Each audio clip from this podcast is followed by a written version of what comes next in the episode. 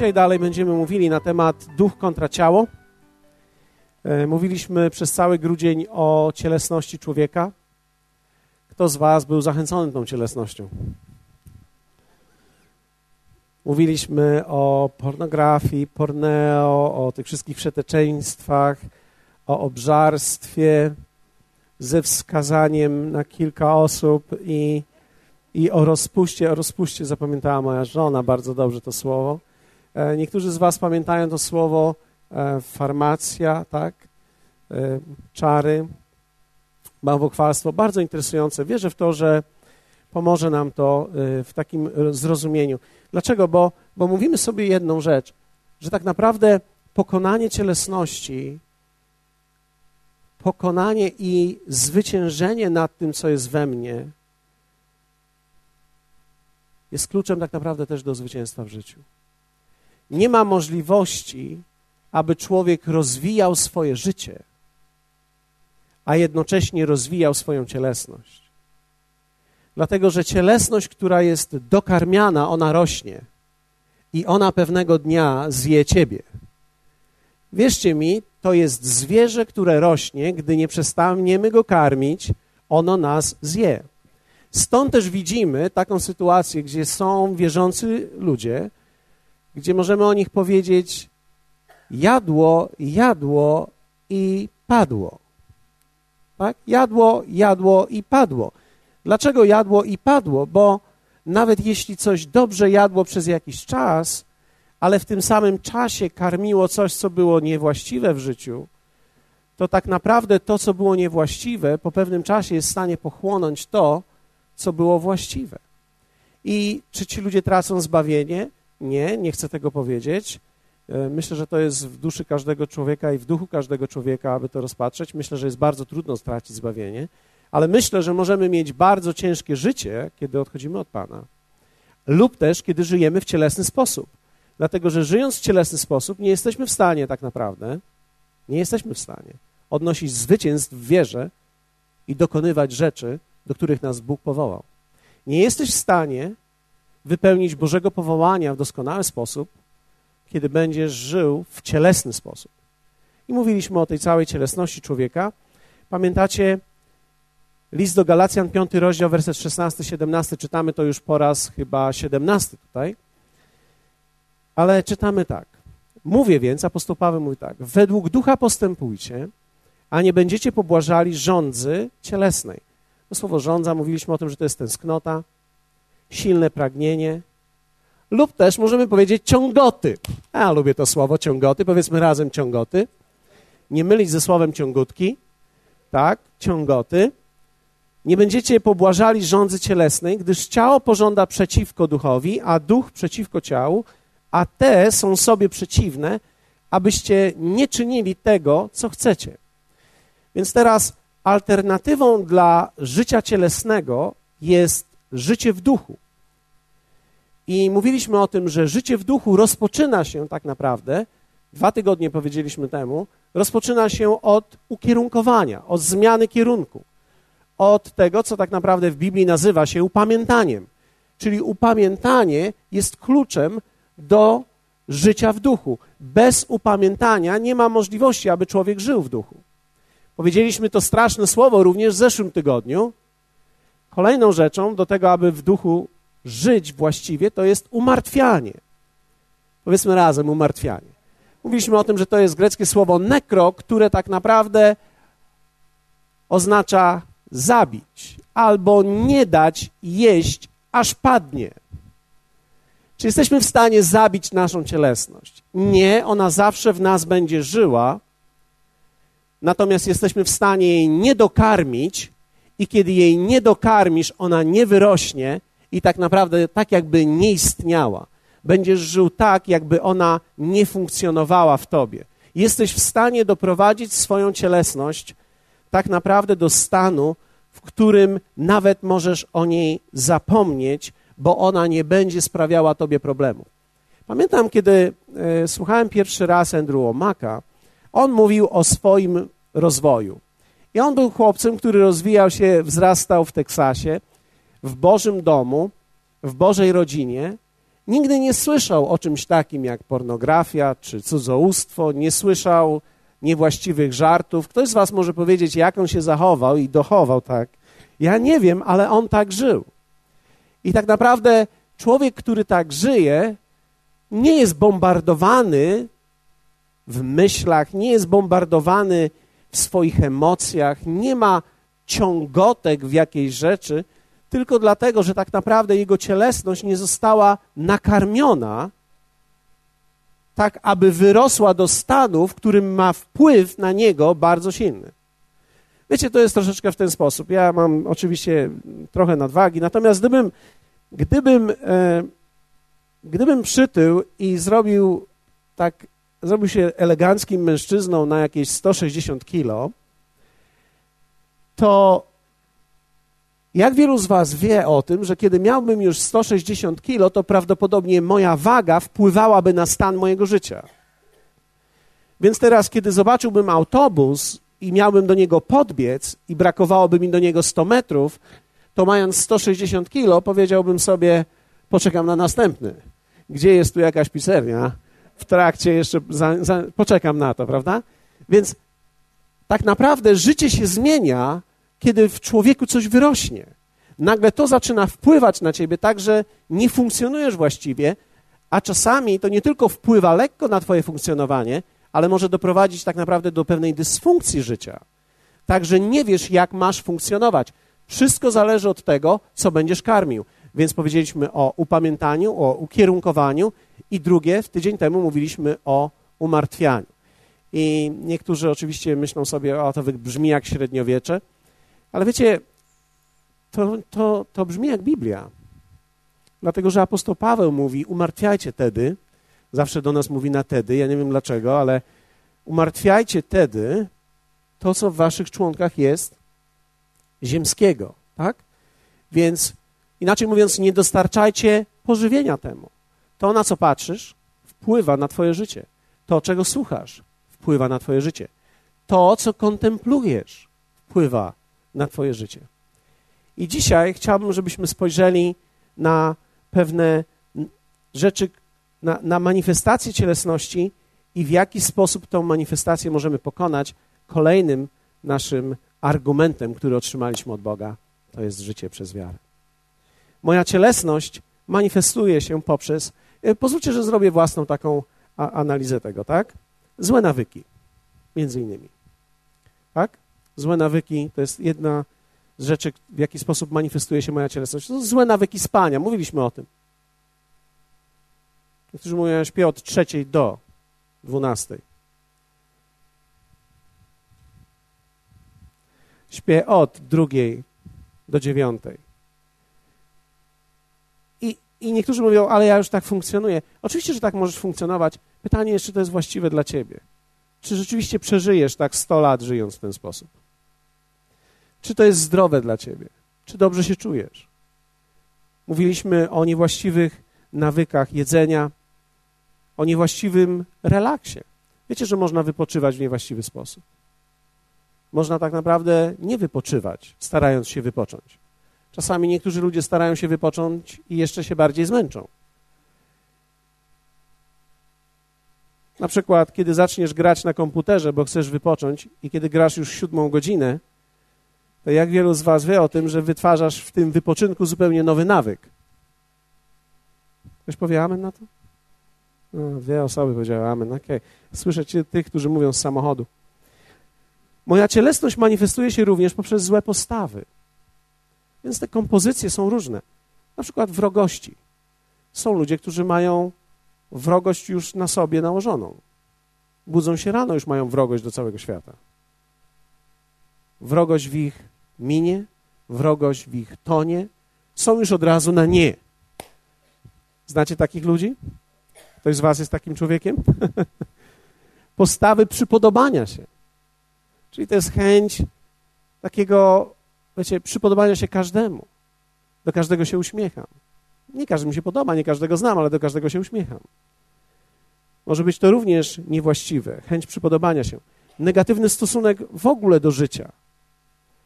Czyli życie jest ciężkie, życie jest trudne, Bardzo ciężko jest w życiu. Życie jest skomplikowane. To jest to, co lubię, jak ludzie mówią. Życie naprawdę jest skomplikowane. Wiecie, życie się komplikuje, to prawda. Ale życie nie jest skomplikowane. Życie można skomplikować, ale nie jest skomplikowane. Mówiliśmy również o tym, że tak naprawdę cielesność manifestuje się poprzez reakcje, takie jak niepohamowane emocje. Znacie ludzi, którzy mają euforię jednego dnia, a 30 sekund później już w dół? Krzyk, podnoszenie głosu, rzucanie epitetami. Wszyscy jesteśmy winni tego wszystkiego. Prawdopodobnie nie ma wśród nas osoby, która by nie, nie, nie, nie poczuła, że, że to jest jakby część naszego też życia. Każdy ma tendencję w tą stronę. Ktoś z was kiedyś podnosił głos? A kto z was krzyczał czasami? Wiecie, cielesność, cielesność, a, a, ale wiecie, to też jest bardzo ciekawe. Jak się czujemy zaraz po tym, jak to zrobimy? Fatalnie się czujemy. Dlatego, że czujemy, że zrobiliśmy coś, co jest sprzeczne z Bożą naturą, która gdzieś w nas jest.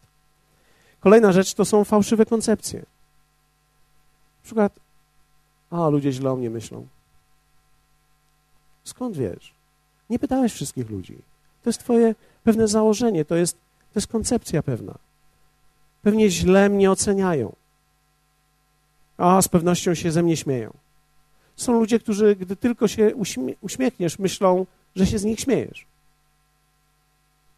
Czemu się ze mnie śmiejesz? Nie śmieję się z ciebie, uśmiecham się do ciebie. Wiecie, są pewnego rodzaju koncepcje, które ludzie mają. To jest cielesność. Albo na pewno mnie krytykują. Albo wszyscy mnie krytykują. Ja ostatnio ktoś podszedł do mnie i powiedział, pastorze, w kościele tak wielu ludzi mnie krytykuje. Wiecie, tak sobie pomyślałem, tak wielu ludzi prawdopodobnie oznacza trzy osoby.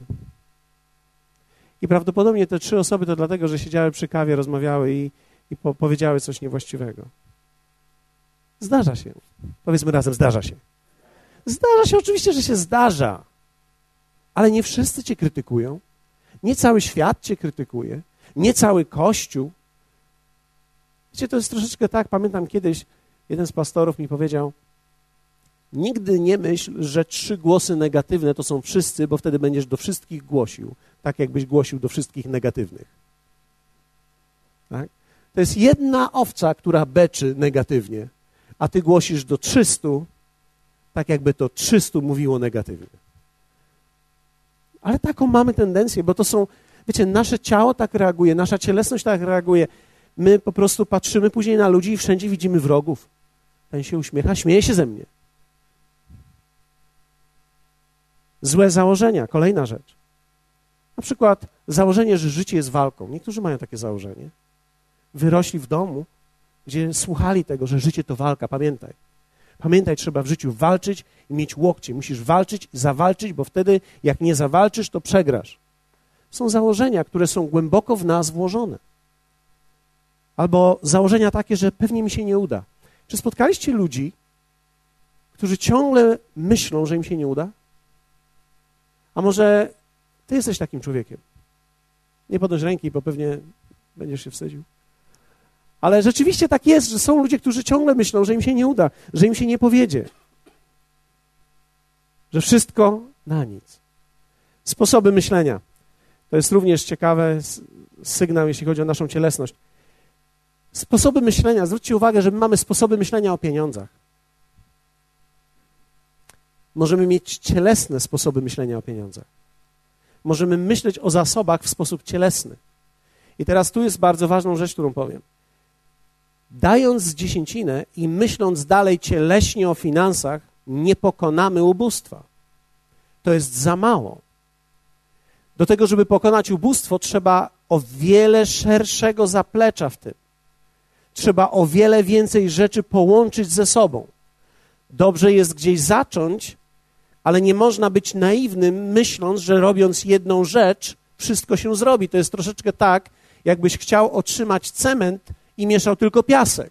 No nie da się tak zbudować niczego. To wymaga troszkę więcej komponentów. Ale to są pewne sposoby myślenia, sposoby myślenia o pieniądzach, myślenie o małżeństwie. Niektórzy wchodzą w małżeństwo i myślą sobie, małżeństwo, ja sobie tak wyobrażam. Wiecie, my wszyscy mamy wyobrażenia, my wszyscy mamy sposób myślenia o małżeństwie, że jak wejdę w małżeństwo, to ona mnie będzie kochać i ja ją będę kochać i będziemy takimi gołąbkami do końca życia. No nie, bo się okaże, że tak naprawdę jesteście gołąbkami przez pierwszy miesiąc. Może drugi miesiąc wam się uda pozostać w tej formie, ale później może będziecie sępami przez jakiś czas.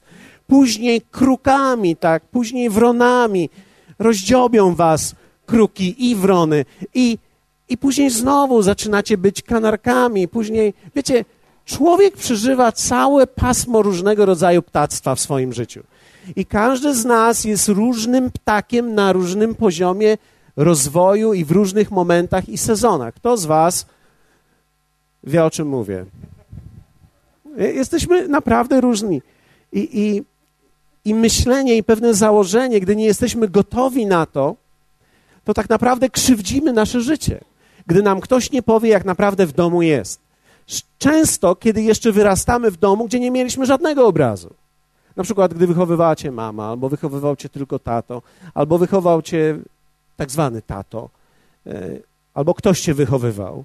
I wtedy tak naprawdę nie wiesz, jak to jest.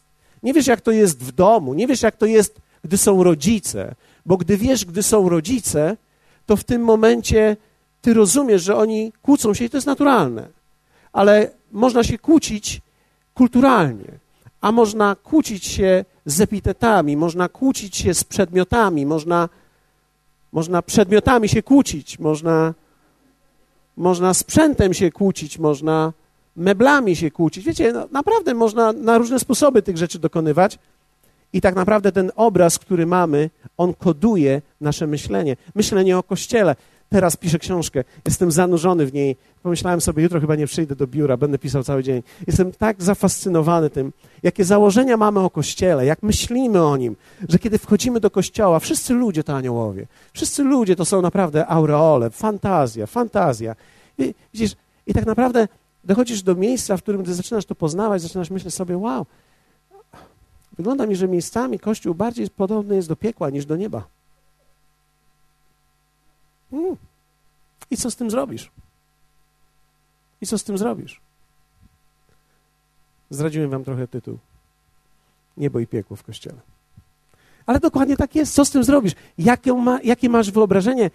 Jak to wygląda? Co jest gdzieś wewnątrz ciebie? I tak naprawdę, gdy te założenia są niewłaściwe, to jest tak naprawdę część naszej cielesności. My żyjemy w pewnego rodzaju iluzji. Tak? Moje dążenia. Ciągoty. Powiedzmy razem ciągoty. To jest też część naszej cielesności. To są, to są rzeczy nieuświadomione czasami. Człowiek, który ma ciągoty, ma zawsze dobry plan. Wiecie, ostatnio zobaczyłem, moja żona oświeciła mnie. Powiedziała tak, czy wiesz, Paweł, dlaczego ludzie nie pytają się, gdy idą w krzaki? Wiecie, musicie rozumieć e, słowo krzaki, mam na myśli, gdy ludzie mają zamiar krzaczyć, tak? Od razu widać czasami, że ktoś ma zamiar krzaczyć. I wtedy tak zastanawiam, czemu nie pyta, czemu nie rozmawiamy? Czemu nie rozmawiamy o tych rzeczach? I wtedy moja żona powiedziała do mnie tak, ludzie nie chcą z tobą rozmawiać, bo oni mają plan. Człowiek, który chce krzaczyć, ma już z góry założony plan. Cielesność tworzy wewnątrz nas plan, więc my jesteśmy w tym genialni, więc nie chcemy nikogo pytać, bo jeszcze nas wybije z tego planu. Waldek będzie dobrze wiedział, ale gdy alkoholik chce się napić, i widzi, że nie ma szans, bo jest jakaś impreza, na której nie ma pić. Wiecie, on ma plan. On jest w stanie w moment wymyśleć, co ma zrobić, żeby jednak to zrobić.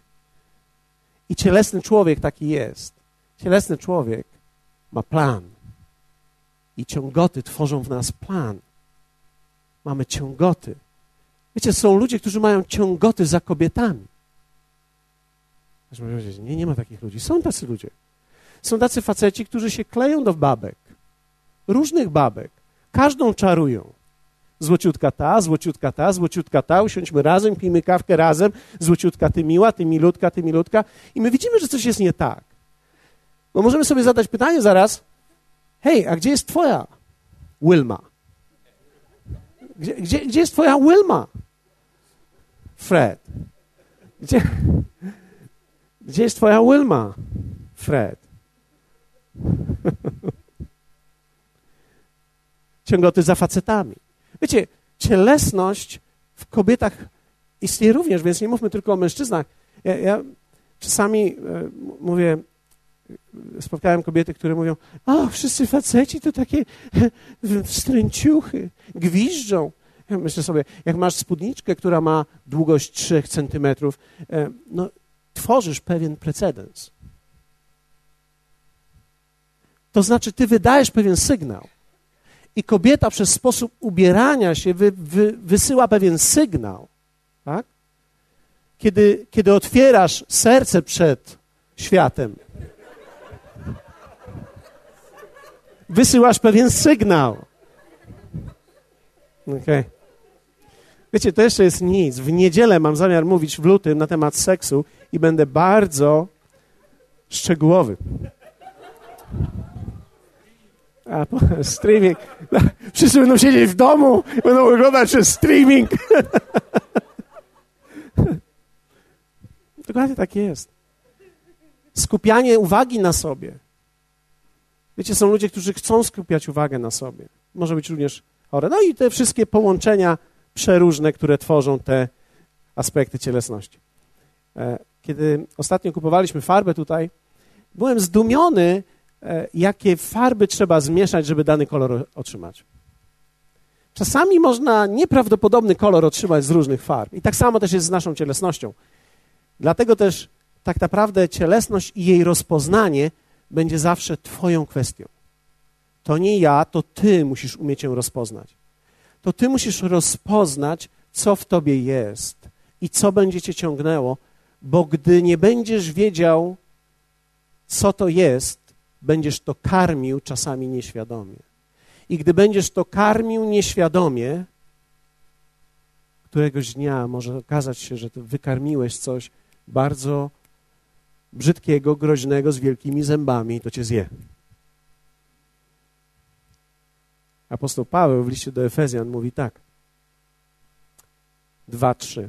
Wśród nich i my wszyscy byliśmy niegdyś. To jest mowa o świecie, o funkcjonowaniu i o życiu w świecie. Wśród nich i my wszyscy żyliśmy niegdyś w porządliwościach ciała naszego. Tak żyliśmy. Tak? Tak żyliśmy ulegając woli ciała i zmysłów. Inaczej mówiąc, cielesność i zmysły i ciągoty kontrolowały nas. Oczywiście ktoś z Was może powiedzieć, a tak wcale nie jest. Wiesz, Ty może robiłeś to kulturalnie. Ja teraz powiem do wszystkich wysoce wyedukowanych. Edukacja pomaga nam robić to bardziej elegancko. Ona sprawia, że robimy to tak nie na denaturat, tylko na dżin. On, wiecie, to, to jest tak wtedy na elegancko, tylko problem jest ten sam, tak? Czyli chodzi o to, że teraz jeden ciągnie z brzozówy, tak?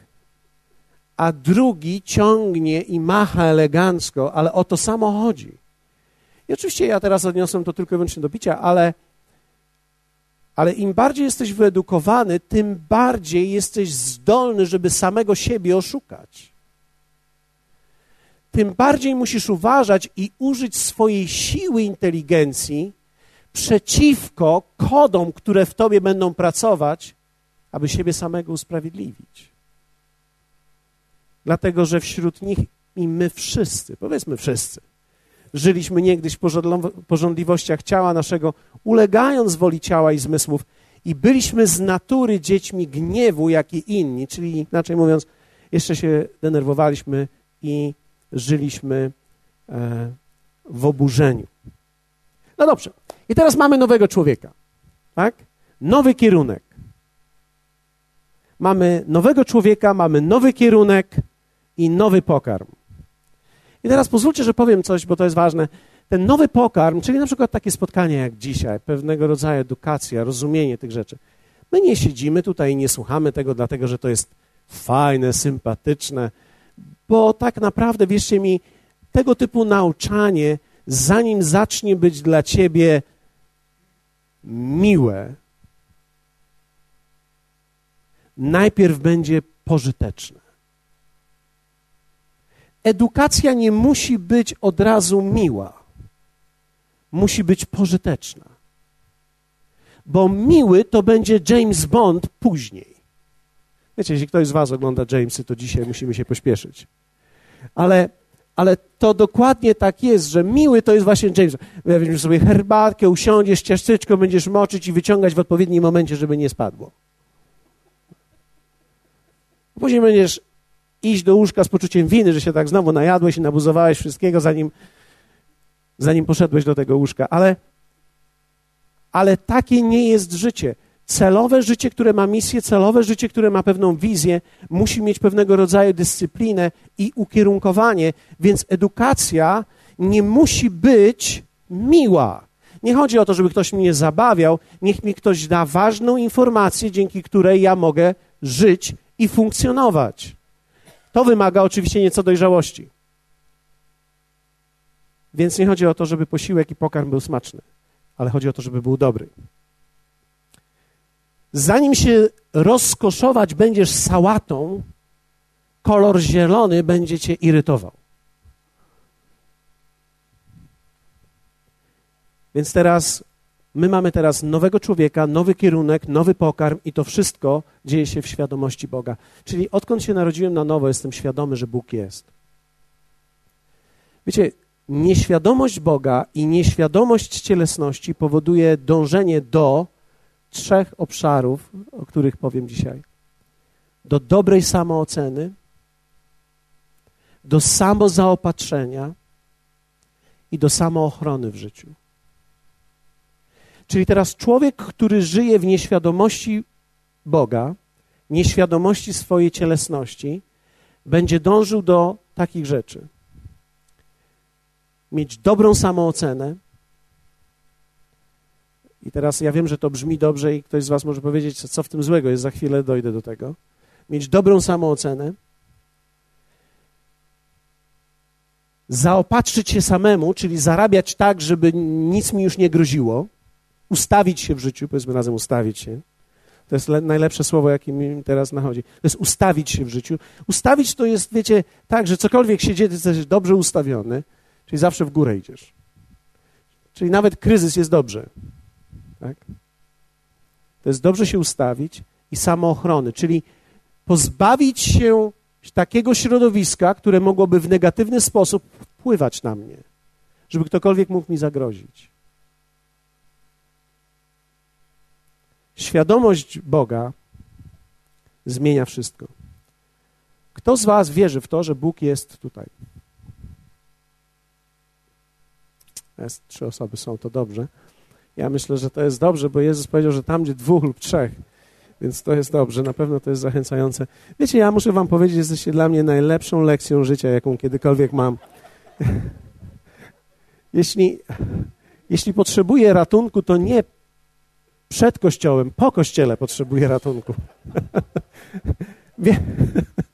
Większość, większość ludzi czuje, że gdy wychodzą ze spotkania, czują się zachęceni. Ja najczęściej, kiedy wychodzę ze spotkania, potrzebuję podniesienia po tych wszystkich sygnałach, które dostaję. Ale kto z was, za, kto z was pomoże mi teraz uwierzyć, że Bóg tutaj jest? Okej, okay, dziękuję. Teraz mam już dosyć dużą grupę. Więc teraz zobaczcie, Życie w duchu to jest nowy kierunek, to jest nowy pokarm, to jest nie dać pokarmu temu, a dać pokarm temu, tak? Nie dać pokarmu cielesnemu człowiekowi, dać pokarm nowemu człowiekowi. I to wszystko zaczyna się w oparciu o wiarę, która jest drogą ducha. To jest zupełnie nowy rodzaj życia. To jest życie w wierze, życie przez wiarę. List do Hebrajczyków 11:6, znany fragment, ale e, pozwólcie, że go zacytuję. Hebrajczyków 11:6 Bez wiary zaś nie można podobać się Bogu. Kto bowiem przystępuje do Boga, musi uwierzyć, że On istnieje i że nagradza tych, którzy Go szukają. To jest zupełnie nowy rodzaj życia, który mamy mieć. Wiecie, życie w ciele ciało jest proste. Często się mówi o mężczyźnie, że jest prosty. Mężczyzna potrzebuje tylko kilku rzeczy do życia, czyli ze trzech, prawda? E, trzy i pół. E, ale nowy człowiek potrzebuje zupełnie nowego życia. I to jest zupełnie nowy rodzaj życia. I zupełnie nowy rodzaj życia to jest życie w wierze. Ono tak się zaczyna. Bez wiary zaś nie można podobać się Bogu. To słowo podobać Bogu w greckim dokładnie oznacza nie można podnieść się, ale rozszerzone tłumaczenie mówi nie można współpracować razem z Nim. Czyli bez wiary nie można współgrać razem z Bogiem. Nie można z Nim współpracować, więc kto bowiem przystępuje do Boga, musi uwierzyć, tu mamy słowo, że On istnieje. Ale w greckim nie jest tam On istnieje, tylko dokładnie, że On jest w tej chwili, w tym momencie, tutaj, razem ze mną. I że nagradza, to słowo nagradza dokładnie oznacza działa, ratuje lub też czyni coś dla tych, którzy Go szukają. Innymi słowy, żyłem w ciele, robiłem to, co chciałem. Miałem moje ciągutki i one mnie ciągutkowały w różne strony. Żyłem tak, żyłem tak. Jeśli byłem, jeśli byłem prostacki, no to byłem z gwinta.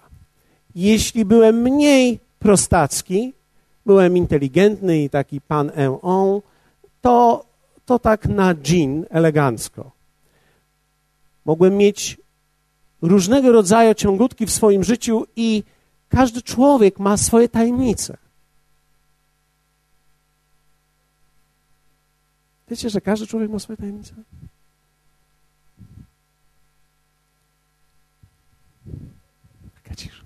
Każdy człowiek ma swoje tajemnice. Każdy człowiek coś tam robi, gdy go nic nie widzi.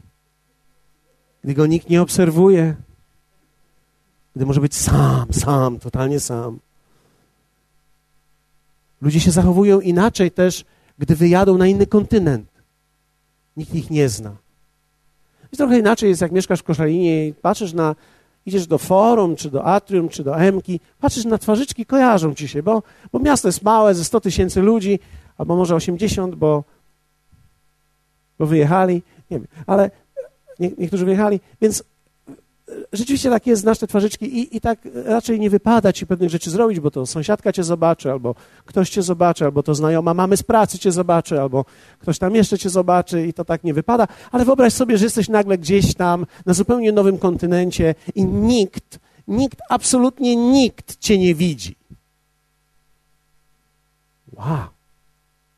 Wow, jaki luz. Wie, wiecie, niektórzy poczuliby się jakby spuszczeni ze smyczy. Jakby przez tak naprawdę nie, już ich nic nie trzyma, dlatego że każdy człowiek ma w sobie, w ciele, te odruchy, jeśli żyjemy w ciele. Ale jeśli zaczynamy żyć w duchu, zaczynamy żyć w wierze. Więc bez wiary nie można podobać się Bogu. Nie mogę współpracować z Bogiem, ale w momencie, gdy wierzę, tak naprawdę wierzyć to jest wierzyć, że On jest. Nie wierzyć w Jego istnienie. Ludzie wierzą w Jego istnienie, to im nie pomaga. Nie chodzi o to, żebyś wierzył, że Bóg istnieje. Chodzi o to, wiecie, coś zupełnie nowego się dzieje, kiedy wierzysz, że On jest. Że On jest tu i że jest między nami. I że nie możemy go posadzić i powiedzieć, że on siedzi tu. Ale to, że on wypełnia to miejsce swoją obecnością. On jest. On jest i on coś czyni, dla tych, którzy są otwarci na to, aby przyjąć to, co On ma. On nie czyni dla wszystkich. Zobaczcie, dla tych, którzy Go szukają. Szukają dokładnie tego, co On ma, więc wiara wprowadza mnie w obszar obietnic, tak że mogę je przyjąć. I tu się wszystko zaczyna. Wierzę, jeśli mówię, że wierzę, oznacza to, że to jest dla mnie namacalna realność. Wierzyć oznacza żyć w namacalnej realności. Pomyślcie przez chwilę. Wierzę, że On jest tutaj. Pomyśl przez chwilę. Teraz On tutaj jest. Bóg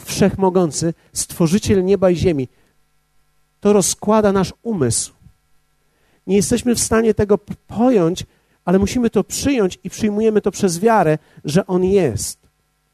I to natychmiast sprawia, że zaczynam iść pod prąd mojej cielesności i tak naprawdę życie w wierze uderza w te trzy obszary, o których powiedziałem wcześniej, czyli tak naprawdę dobrej samooceny, samozaopatrzenia i samoochrony.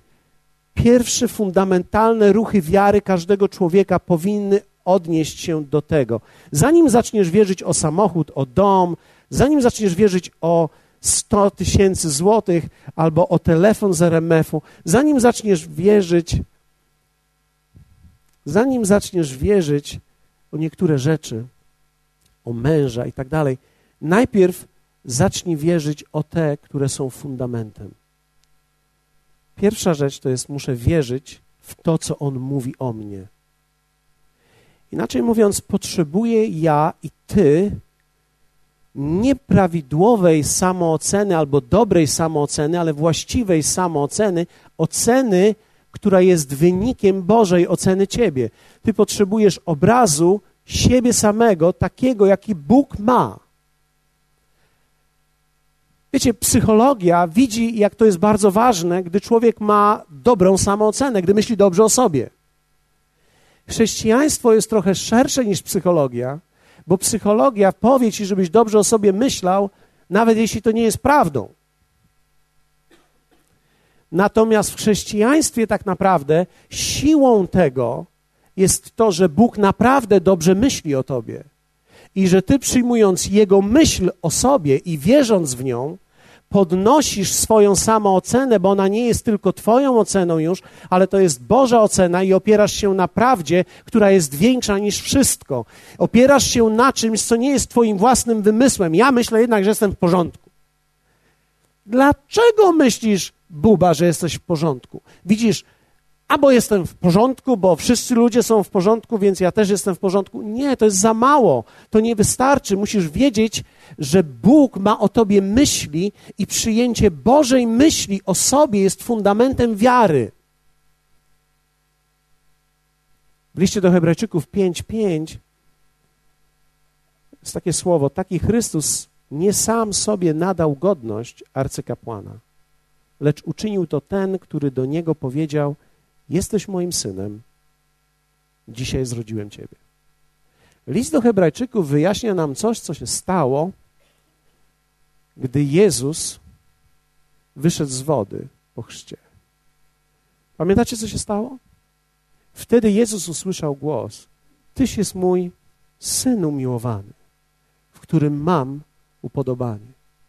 To był i to jest pierwszy fundamentalny akt wiary, bez którego całe chrześcijaństwo nie może dalej się posuwać. Jeśli ty nie wiesz, co Bóg myśli o tobie, nigdy nie sięgniesz zwycięstwa w życiu. Zwycięstwo odbija się i jest ukształtowane i ustabilizowane dokładnie na tej myśli. Bóg myśli o mnie w szczególny sposób. Jestem Jego synem, jestem Jego córką i to jest najważniejsze i największe. Jestem umiłowanym synem, jestem umiłowaną córką Boga i ja w to muszę uwierzyć. I teraz ktoś z Was może powiedzieć: No, ale jak się w to wierzy? Okej, okay. dobrze, że zadaliście to pytanie. Najpierw musisz to znaleźć w Biblii, a później musisz spędzić z tym czas, aż stanie się to częścią ciebie. Musisz nauczyć się wypowiadać głośno nawet te rzeczy dla samego siebie. Dlatego, że wyznawanie czy mówienie pomaga Tobie, bo człowiek zmienia swoją percepcję o sobie, gdy wymawia rzeczy o sobie. Człowiek wierzy w to, co mówi, gdy mówi coś o sobie. I dlatego jest tak ważne, abyś spędził z tym czas.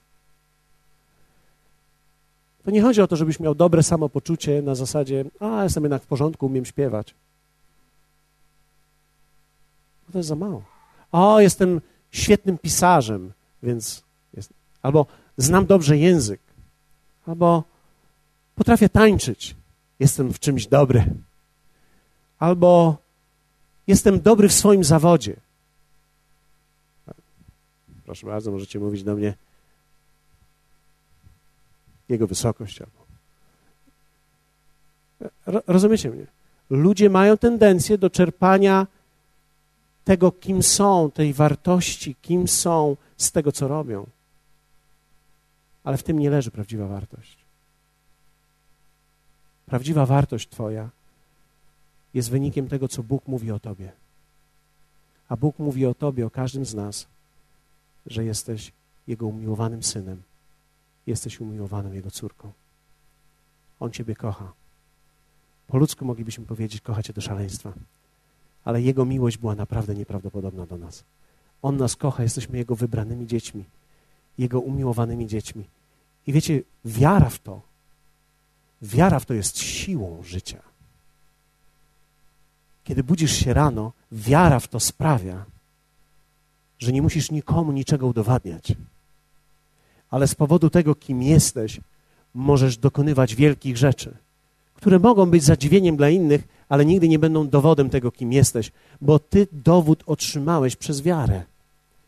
Powiedzmy razem: Jestem Jego synem, jestem Jego córką. Zobaczcie, tak Chrystus nie sam sobie nadał godność. Czyli to nie chodzi o to, że teraz Jezus wyszedł i powiedział: Jestem synem Bożym. Jezus sam nie nadał sobie tej godności. Jezus przyjął ją od Ojca. I to jest prawidłowa wiara w to, kim jestem. Drugie. Muszę uwierzyć w to, że On mnie ochrania. Wiecie, myśmy żyli bez Boga, więc musieliśmy się sami bronić. Kiedy człowiek się sam broni, musi atakować innych, gdy go atakują. Ale kiedy wierzysz w to, że Bóg ciebie chroni, nie musisz atakować nikogo, kto cię atakuje. W związku z tym Twoja reakcja na atak na Ciebie będzie zupełnie inna, gdy masz przekonanie i wiarę, że Bóg Ciebie chroni. Musisz wierzyć w to, że Jego plan wobec Ciebie nie jest zagrożony, jeśli od Niego nie odejdziesz. Czyli Jego plan się wypełni. Wiecie, jak wygląda wiara w to, że On mnie ochrania? Nie reagujesz na krytykę. Nie reagujesz na krytykę. Nie reagujesz na krytykę. Na zniewagi. Nie musisz wtedy szukać zemsty. Nie szukasz rewanżu. Ktoś się źle spojrzy, zaśmieje się, a jest okej. Okay. Wszystko jest dobrze. Dlaczego? Bo wierzysz w to, że On Ciebie ochrania. Cóż może uczynić mi człowiek? Żaden człowiek nie może mi nic uczynić. Jeśli ktoś mnie zabije, pomyśl sobie. To jest cudowne. W jednym momencie będę razem z nim. Jesteście ze mną? Inaczej mówiąc, ponieważ należysz do Pana, On Ciebie ochrania i należysz do Niego i nie musisz sam siebie chronić. To jest wiara. Wiara w to, że On mnie ochrania. Wiara w to, że chroni mój dom, że chroni moje dzieci, że chroni moją żonę, że chroni nasz związek. Dlatego nie muszę za nią wszędzie chodzić i sprawdzać jej telefonów. Pokaż mi swoją komórkę. Pokaż mi, co SMS-owałaś tam ostatnio. Z kim? Z kim to było? Kto to jest? Wiecie, ludzie tak żyją. Ludzie tak żyją, szarpią się. Szarpią się w swoich domach. Nie muszę martwić się o moje dzieci. Czy, czy, czy, wiecie, każdy człowiek w naturalny sposób martwi się. Ciekawe, co robią. Ale nie musisz być obsesyjny w tym. Możesz mieć w tym pewne zaufanie okej, okay, ja muszę im zaufać, bo tak naprawdę one należą do mnie, są moje, ale należą tak naprawdę do Niego. I On powiedział, że będzie chronił mnie i będzie chronił moje dziedzictwo i będzie chronił moje dzieci. On będzie ochraniał je, On da im mądrość, więc ja nie muszę być prześladowcą moich dzieci. Co robisz? Gdzie jesteś? Co teraz robisz w tym momencie? Z kim jesteś? Dlaczego? Ponieważ to wszystko, ten mój lęk będzie wpływał na to, jak ja będę wychowywał je, w jakiej atmosferze, co będą odczuwały względem mnie. Wiecie, to wiara w Bożą ochronę tworzy, że człowiek normalnieje. To samo dotyczy innych aspektów życia. I ostatnia rzecz to jest, wiecie, normalnie ludzie szukają, żeby się ustawić, a ty zaczynasz wierzyć w Jego zaopatrzenie. On jest Bogiem przymierza i połączenia. To znaczy, że kiedy wstaję rano, wiem, że On ma dla mnie wszystko, czego potrzebuję. On ma wszystko, czego potrzebuje. Jak wielu z Was czuje, że to jest poziom pewien wiary? To znaczy, trzeba z tekstem, który jest napisany i z osobą, która jest, zbliżyć się tak bardzo, że to jest pewna część mojej, mojego, mojej realności. Także wiem, że to jest realne, że to jest we mnie, że On się zatroszczy o mnie, że tak naprawdę całe moje życie jest zaplanowane. On ma dla mnie plan, to znaczy, że zaplanował zaopatrzenie. Wiecie, w Bogu jest dobry plan dla każdego człowieka. Nie każdy człowiek, wierzcie mi, nie każdy człowiek będzie miał to w życiu, co chce, ale większość ludzi nie sięgnie swojego potencjału, bo nie wierzy wystarczająco Bogu. Kiedy żyjesz w wierze w Boga, można sięgnąć bardzo daleko. Bardzo daleko. Można sięgnąć daleko, daleko, daleko dalej. Bo On jest dobrym Bogiem i On tak naprawdę szuka kogoś, kto będzie Jemu wierzył. Tak naprawdę szuka kogoś, wie, wiecie, bo to jest wyjątkowe, znaleźć ludzi, którzy Mu będą wierzyć. Kto uwierzy w Jego Słowo.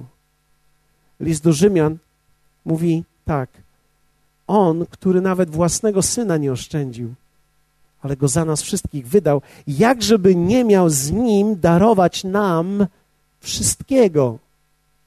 To oznacza, że wszystko, cokolwiek w życiu będziesz potrzebował, jest w Bogu i jest w wierze, która wprowadza nas w tą rzeczywistość.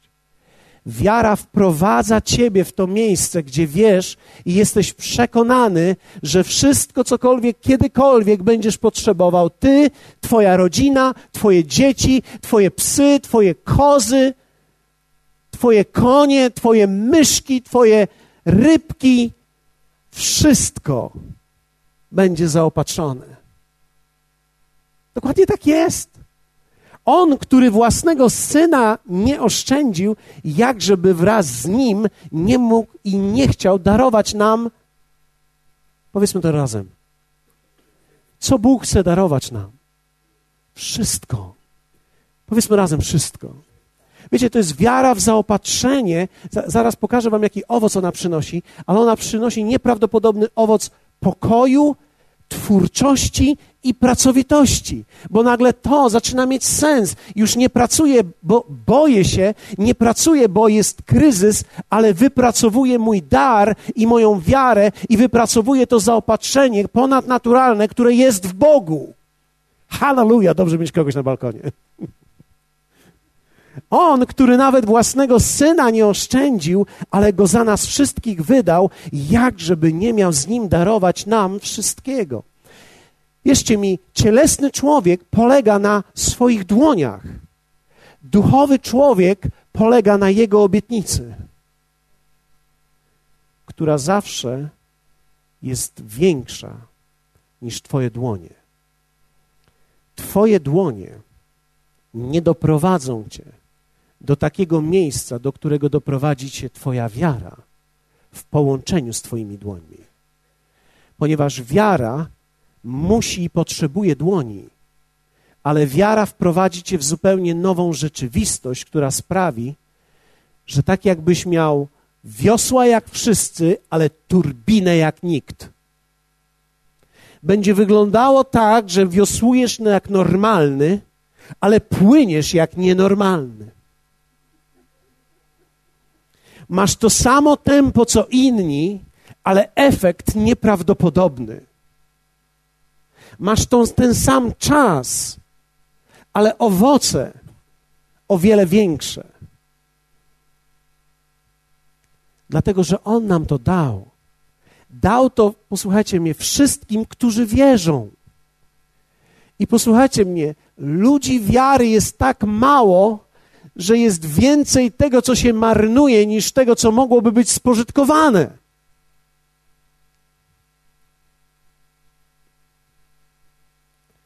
marnują się dobra, bo nie ma ludziom, nie ma ludzi, którzy by chcieli to zagospodarować. Proszę Was. Kryzys, jak w Egipcie, zawsze wyciąga Józefa z więzienia.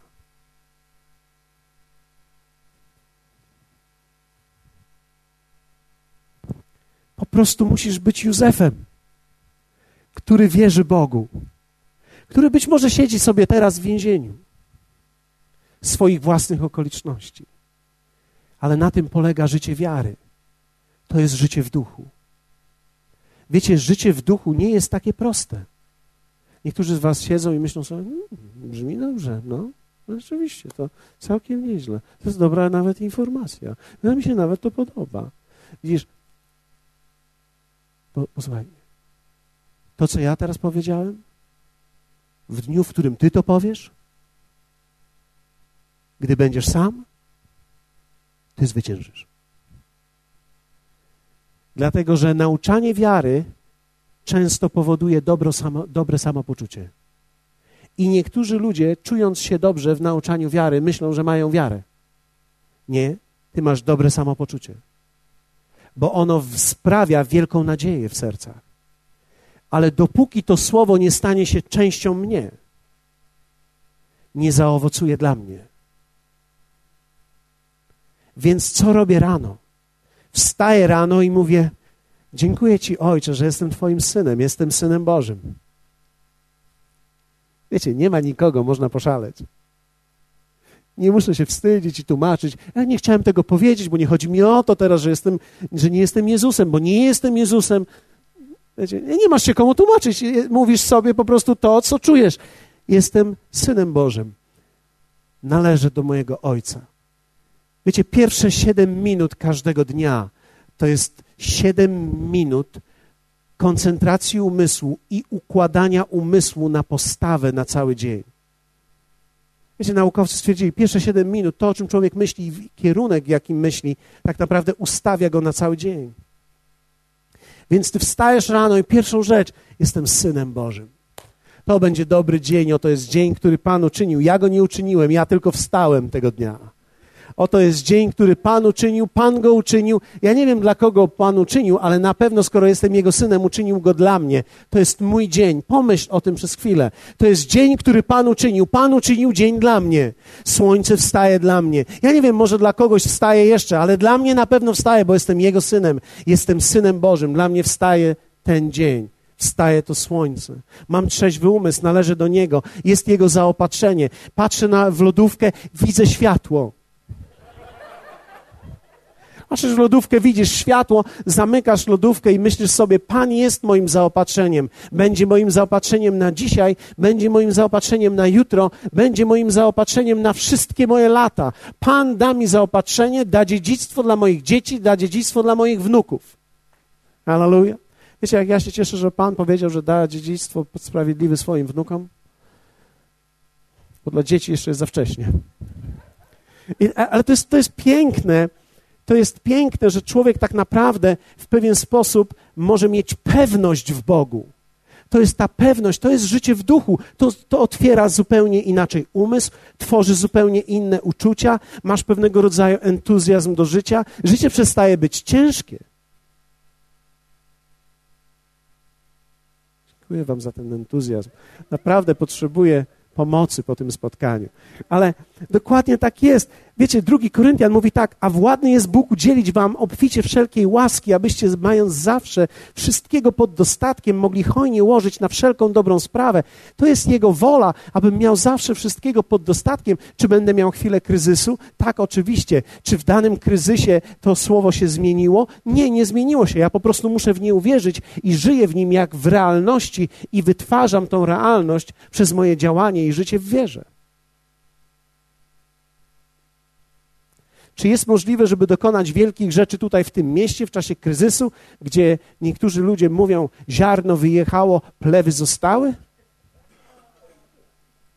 Ja wam mówię, że splew Pan posta, pobudzi ludzi, bo wierzcie mi, to nie jest kwestia, co kto ma, to jest kwestia, co w nas jest. I wiecie, wiara jest życiem w duchu. I ja tak współczuję wszystkim wierzącym, którzy nie żyją w wierze, bo oni nie żyją w duchu, żyją w ciele, więc ciągle będą w różnych stanach. Nie mam na myśli w stanach, tylko w stanach swojego życia. Oni zawsze będą w górze lub na dole, w zależności od sytuacji, momentu i chwili. Apostoł Paweł w Filipian 4:19 mówi tak: A Bóg mój zaspokoi wszelką potrzebę waszą według bogactwa swojego w chwale w Chrystusie Jezusie. Wiecie, tu jest mowa nie o tym, że Bóg mój ma i coś wyściubie, bo jeszcze mu coś zostało. Co prawda już długo, to już tyle tysięcy lat ziemia istnieje i się zasoby kończą, a wy jesteście ostatnim pokoleniem, więc ostatnim jest najgorzej. Nie! Wiecie, cały, cały tekst biblijny mówi, że Bóg ma nieprawdopodobną ilość rzeczy dla ludzi.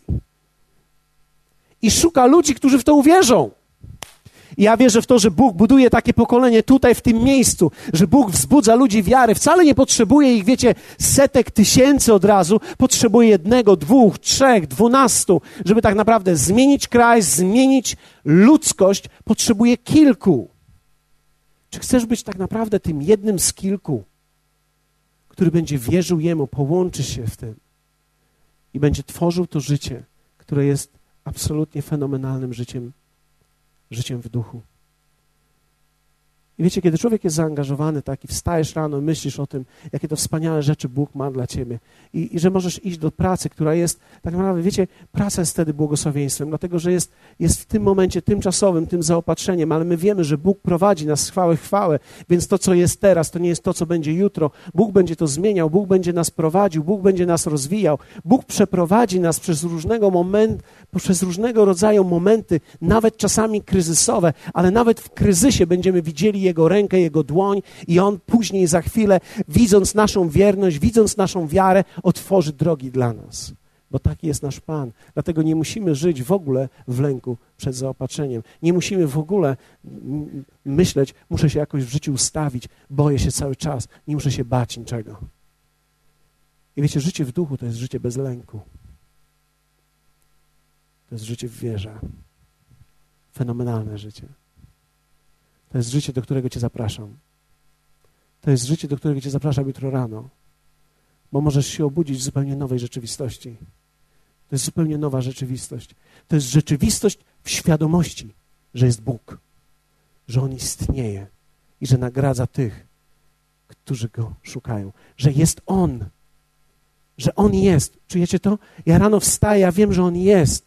Ja nawet nie pytam się mojego ciała, które coraz wolniej reaguje. Ja, ja, ja nie pytam się, ja nie pytam się moich zmysłów, ja pytam się Jego słowa w moim duchu. On jest, On jest w tym pomieszczeniu, On jest ze mną, On jest tutaj, On jest dla mnie, jestem Jego synem. Nie muszę się niczego bać, nie muszę się o nic troszczyć, nie muszę nic robić z paniki. Wszystko, cokolwiek mogę robić, może być Jego wolą, mogę Jego słuchać, mogę się w Niego wsłuchać, mogę dokonywać Jego dzieł. Wow. Wow. Co za życie. Wiecie, to życie miałem nie teraz. Ja to życie zacząłem wtedy. Bo tak można żyć niezależnie od okoliczności. Czy coś masz, czy czegoś nie masz, niezależnie od tego, gdzie pracujesz. Pracowałem w szkole i tak miałem. Pracowałem w MZK i tak miałem. Pracowałem na czereśniach w Niemczech i tak miałem. Zbierałem tam różne rzeczy. E, znaczy legalnie. I, i tak miałem.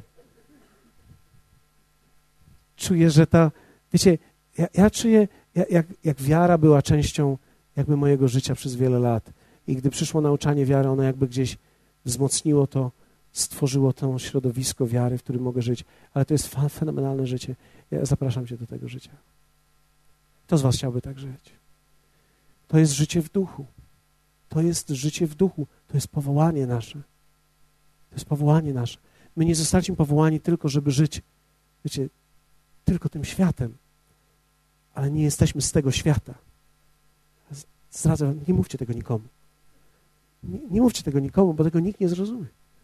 Ale my nie jesteśmy z tego świata. Dlatego możemy błogosławić ludzi, jak nie z tego świata. Oni patrzą na nas, wyczyszczają oczy. Co ty robisz? Bo my nie jesteśmy z tego świata. Nie jesteśmy z tego świata. Jesteśmy z innego świata. I w tym innym świecie zupełnie inaczej się żyje. I to jest Twoje powołanie. Chciałbym, żebyśmy odpowiedzieli na nie. Wstańmy razem. Hallelujah. On, który nawet własnego syna nie oszczędził, ale go za nas wszystkich wydał, jakżeby nie miał z nim darować nam wszystkiego. Wszystko zaczyna się od tego miejsca, że wierzysz Bogu, że On jest, że On Cię słyszy. Wiecie, teraz chciałbym, żebyśmy przez chwilę modlili się.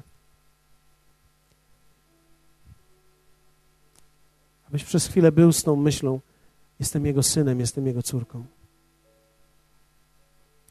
On otacza mnie, On mnie ochrania.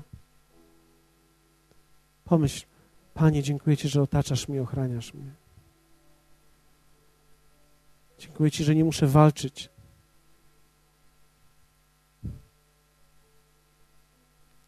Nie muszę się bać.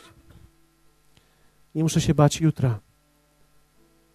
Jestem wolny od lęku przed jutrem. Nie muszę bać się o moją rodzinę, o mój dom, o moje małżeństwo, o moje relacje. Nie muszę nikogo przekupić. Nie muszę nikomu się przypodobać, ale mogę Tobie zaufać, bo wiem, że tu jesteś. Wiem, że jesteś tutaj. Wiem, że jesteś. Wiem, że jesteś.